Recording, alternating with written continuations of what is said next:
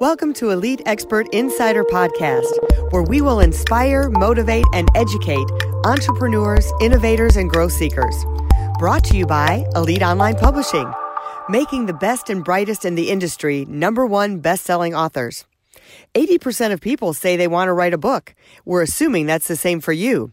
If so, contact us at www.eliteonlinepublishing.com and make your book a reality. Hi, Melanie Johnson here with another great podcast with my friend and business partner, Jen Foster. Hey, Jen. Hey, everyone.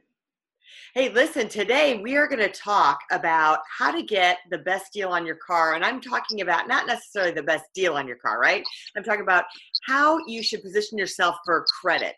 So if you have not great credit and you're trying to get um, how you should finance your car, um, we're just going to go deep into all of that today. So we've got an expert here with us, Jim Rhodes, who's going to talk about all that plus more. Plus, he's a self starting entrepreneur. So we're going to find out the insides of how he made his business successful. So, first of all, remember subscribe, subscribe, subscribe to our podcast and share it and leave us um, comments. We would love to hear from you. So, real important that you do that. And then also, um, if you're looking to write a book and becoming a best selling author, Jen and I have made over 70 authors, number one bestsellers in multiple categories, and international bestsellers on Amazon. So give us a call or uh, look us up on our website, eliteonlinepublishing.com, and you can go and fill out a form right there, and uh, we'll see if you qualify to be one of our great authors. So, Jim, thanks for coming today. Sure, glad to be here. Great. Well, tell us, Jim, a little bit about yourself and kind of how you got into this industry and a little bit of your background with entrepreneurship. Sure. I uh, when people ask me uh, how I found my way into the used car business, I, I, say, well, it kind of found me. I didn't really go looking for it. I was uh, years ago. I started out in um, in the sporting goods and pawn shop business, and you know when I closed the sporting goods business because it was just eating me up and taking all my time and, and barely breaking even. I stepped into the car business just simply as a way to pay my mortgage. I was simply thinking near term, uh, you know, get in there and work in sales and uh, and, and make a living and keep my mortgage current. And I stayed there and had a little bit of success. And next thing you know, I'm in sales management. And that just kind of kept me in that business for a period of time. And then one day, the, the dealer that I was working with came to me, and they knew that I'd already owned some businesses at that point in my career. And they asked me if I would go across town and help them open their sixth buy here, pay here store. So I should probably pause and explain. You know, the buy here, pay here business is a terrible name for that segment of uh, dealerships that do poor credit financing. They're the dealers who do in-house financing. They carry their own inventory. They finance their own inventory, and that is a, um, a, the segment that I settled into.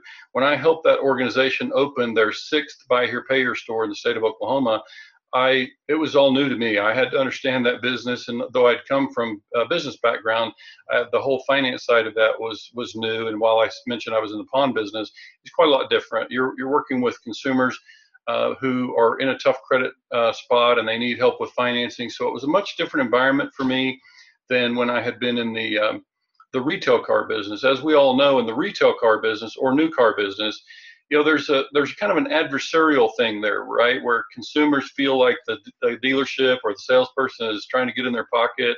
And so there's always a kind of a posturing thing that goes on in the car business and, and the new car side. And so i was living that every day for several years. And then when this opportunity came to get, step into buy here pay here the environment was just so much different. These consumers are showing up asking for help they really just need um, a solution for financing because their credit circumstances limit them from getting conventional financing. And so the environment was great. I was going home earlier. Uh, you know, it just it, it, was a fit for me. And that was uh, 21 years ago uh, that I stepped into the buy here, pay here segment. I've now been in that field ever since. Uh, 18 years now as a consultant in the buy here, pay here space. So what I do is help dealers who either are trying to get in that business or maybe they've got a little trouble in their business and they need a little help fixing it. I have now been in 26 states professionally with that kind of work, and so that's uh, that's a very specialized kind of education that I've received in the process. And I always talk about when I go out and do those visits, I always learn as much as I teach. You know, there's just an opportunity to uh, to to visit with new operators and new managers, and so that kind of deep business experience has really served me of course, we're in the car business in a way. Cars are the inventory, that is the product that we offer, but it's really the financing that our car dealers um, are, are providing. And so it's really a finance business more than it is a car business. But it's just been an interesting um, period of, of education for me. Like I say, I didn't, I, that was not the career that I, I envisioned for myself, you know, many years ago, but it just kind of found me and it was a great fit. And I just settled in there and have really, uh, enjoyed that kind of work. You know, a lot of times people don't start with the um, the job they started with, or they they they start out as maybe an engineer in school, and then they end up being a marketer or salesperson. So uh, I would say some of us have three or four careers in us right. throughout our lives. So tell us on the, I mean, you sound like you learn a lot about a business when you go in there. What are some of the key indicators that you're finding when you're going into these dealerships that you know could be in any business really too? Right. Well, you, you wouldn't be surprised to find that it's a couple things. It's, it's primarily um, time management. You know, what I see often when I go out and do these visits, I have the good fortune of being able to work with some of these operations that have multiple locations. And often I already have a data relationship with those dealerships. So I'm already um, compiling numbers and records for those dealerships. So we see the variation in performance across those operations as a result of doing that kind of work. But then when you go in and visit the facilities and you meet the managers and you spend some time hearing the dialogue with the consumers and all those kind of things, then you begin to put the pieces together as to why, you know, one dealership in this case functions differently than others. And many of the things that I learned in that experience are things that would apply for all of us in business management where it wouldn't matter if we were talking about a shoe store or any other kind of business those fundamentals in management really apply in, in my business and, and the same with others. I would say one of the big com- key components is you heard me say we're less in the retail business. If you think about a new car operation, that dealer they sell a car and while they may mail us a, a card or a little tickler reminder or maybe a happy birthday periodically for the for most part that that relationship ends. You buy the car it's a cash transaction to them and you move on. And they hope you come and buy a, a car again in the future. But in my line of work the dealers that finance that consumer they've got an ongoing relationship with that customer for typically about three years. So you can begin to imagine there's a whole level of customer service that is added to that component. And um, and just supporting that customer in a way that a new car dealer doesn't typically deal with. And so, again, from a management standpoint, that just means understanding how it is that any of us, uh, and, and, in this case, car dealers, are able to um, support that customer and able to provide them a level of service that keeps them happy. We basically got to keep that customer happy for an extended relationship, and so it's a it's a great test in customer service. That's great. Well, and I think it's important to know that there's people out there willing to help, you know, those who have bad credit. And when they get into those spots and they need to get a car or they need transportation. So I think it's great that you have, you know, you work with all these dealerships that can provide this service. It is true, and I'm I'm um, especially motivated to do what I can to help on behalf of the consumers. You know, even though my my clients are car dealers, we ultimately are trying to help our car dealers uh, do their business more efficiently so that they can provide that same level of service to this end consumer at a more affordable rate. We want the, we want uh, to be able to impact that segment, and and the best way we can do that is to make sure that the dealer operates, uh, they reduce losses, they operate as efficiently as they possibly can. That means they can then, uh, you know, charge the consumer less for that uh, interest rate. It, it is a high interest segment. That's the nature of what uh, you know is it happens in that segment, of course. But uh, but and we're always working to try to help dealers provide a better solution, a more affordable solution, and ultimately, you know, we we we have to be able to help that consumer uh, because we we want to see that consumer be successful. And so, what I ultimately end up doing with my car dealers is we make the case that um, we, we want them to, to have compassion for the consumers and be able to, um, you know, have that permeate everything they do in their business. Uh, but we can also make the case that it's in their financial best interest, the dealer's financial best interest, to provide that solution for the consumer in a way that is um, you know beneficial and provides that level of customer service you heard me talk about. And now we're able to help that customer and retain that customer for a very long time. So retention becomes a very big piece of this. And so again that's uh, that's something that can really apply in virtually any kind of business. We just see that you know customer service and retention is just such a big piece of what we do. And we we have to get good at it in our line of work yeah. So what would you say is the flexibility? I know I'm going to kind of switch over to the consumer side and you really deal with the dealership, but you're setting them up to do their own financing through the dealership. What kind of flexibility does a consumer have when they come in to negotiate that rate? In the case of a true buy here, pay here transaction, they have almost none. I mean, the, the, the consumer would have very little. Uh, the, the truth is, we, we describe this segment of consumers often as unbankable. And all that really means is that they just don't qualify for conventional bank financing or credit union financing. So as a result, they're really at the mercy of whoever would provide that kind of financing solution. So we have to be careful to define that. What I'm really talking about is what we would call a, a deep subprime customer. That's a very low credit score, very tough circumstances, but it doesn't mean they're bad people. It just means they've fallen into some tough circumstances. They now um, have to have help from a, a, buy here, pay here type of operation. And as a result, they're pretty much going to need to pay the price that the dealer's willing to, or is, you know, at whatever uh, price the dealer's willing pr- to provide that financing solution. So that consumer has very little negotiating power. Now that can vary a little bit, Melanie, in some markets, especially the larger markets. If we're talking about a very large city, then obviously things get a little bit more competitive, and uh, and they can simply shop around and compare uh, with the other dealerships. But I certainly, if I'm talking to the consumer, I would say don't uh, do business with a dealer who's not prepared prepared to provide the pricing up front. They should know the interest rate they're going to pay. They should know the price that they're going to pay, and they should be able to take that car and have it checked out by a mechanic of their choice before they sign a contract. Those are things that they should absolutely have negotiating power over. And if the dealer won't do that, I would certainly go find another dealership to do business with. Yeah. So there's so many different dealerships in every different city. So how do you know if they're a buy here, pay here? I mean, that's not really a word that you would search on the internet. So how would you know, um, you know, what, what, who is a dealership that is the financing type of dealership and who isn't? How would you know? Yeah, typically we we can recognize that by the the signage and sort of the way that they promote themselves. You know, if they're saying that we finance, even though that's kind of a broad um, phrase, the reality is most dealers who are saying we finance, that typically means they finance on site, in house. They make the decision themselves. And so that's something to watch for.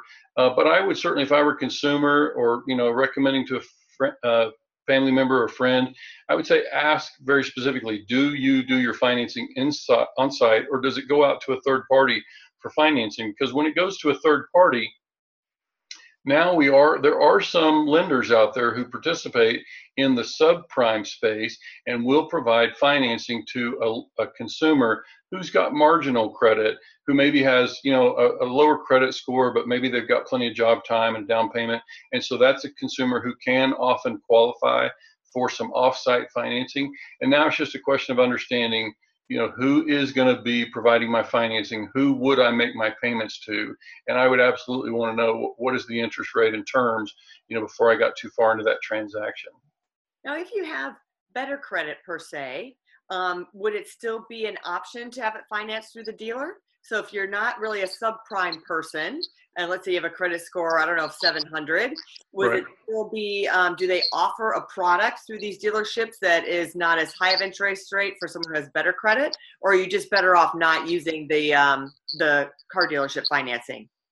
You know, I'd say very few. If they have higher credit score, they're probably not going to use this dealership that I'm describing as a buy here, pay here operation because that that operation is really not set up to provide uh, you know financing for a prime customer somebody with a higher credit score the only ones out there in the marketplace that really provide sort of a broad range are going to be the dealership operations like CarMax. You've seen CarMax; they're uh, they're pretty uh, well known across the country, and I I'm happy to recommend them. They have they're able to provide um, consistent, fair pricing, and they they can provide uh, prime financing solution. And they even have, even though I wouldn't necessarily call it buy here, pay here, because they're so big and because uh, they are, they do have uh, their own captive or in-house financing solution, uh, it is possible for CarMax to provide financing on site through their own program.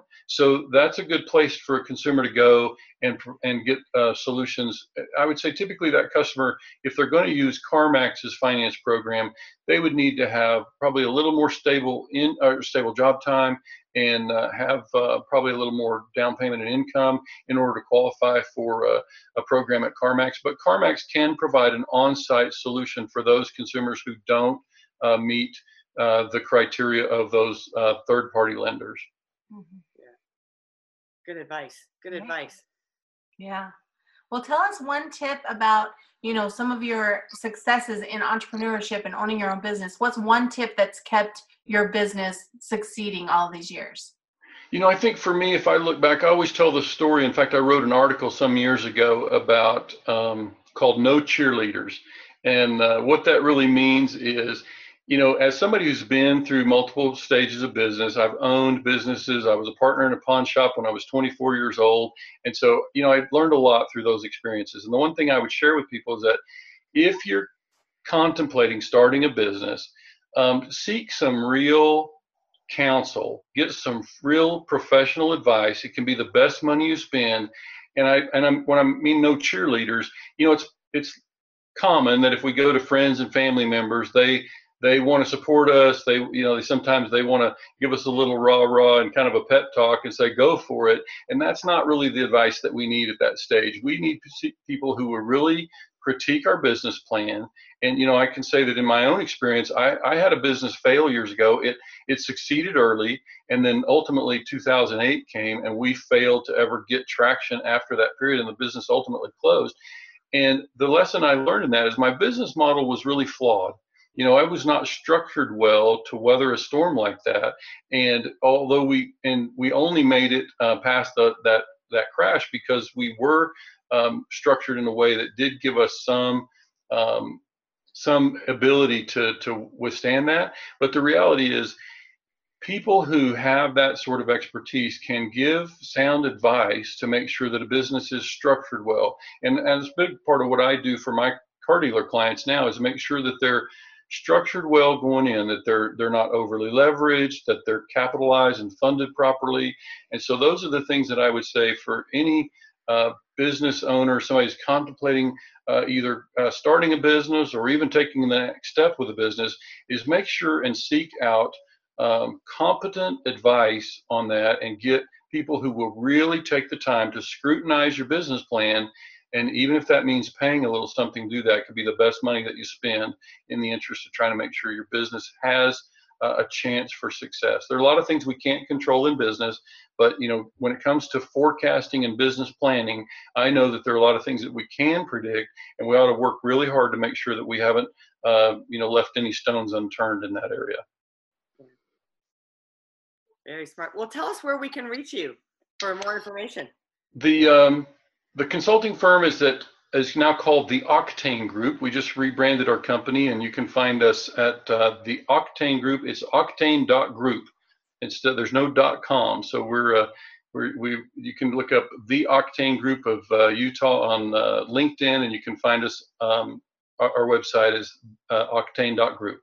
That's great. Well, we'll put the link up on the bottom for those watching on YouTube, and those that are listening on TuneIn or iTunes or Google Google Podcasts, you can just go to octane.group to get more information about Jim Rhodes and everything. And of course, find him on LinkedIn as well.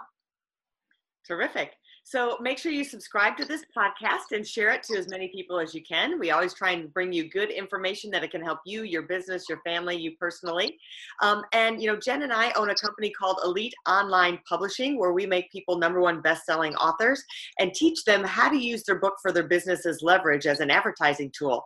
So um, we've made all of our authors number one bestsellers and help them with their marketing and branding plan. So if you're interested in that, look us up at eliteonlinepublishing.com and under contacts there's a form you can fill out and see if you qualify to be one of our authors. We'd love to work with you. We'll see you next time right here at the Elite Expert Insider. Bye.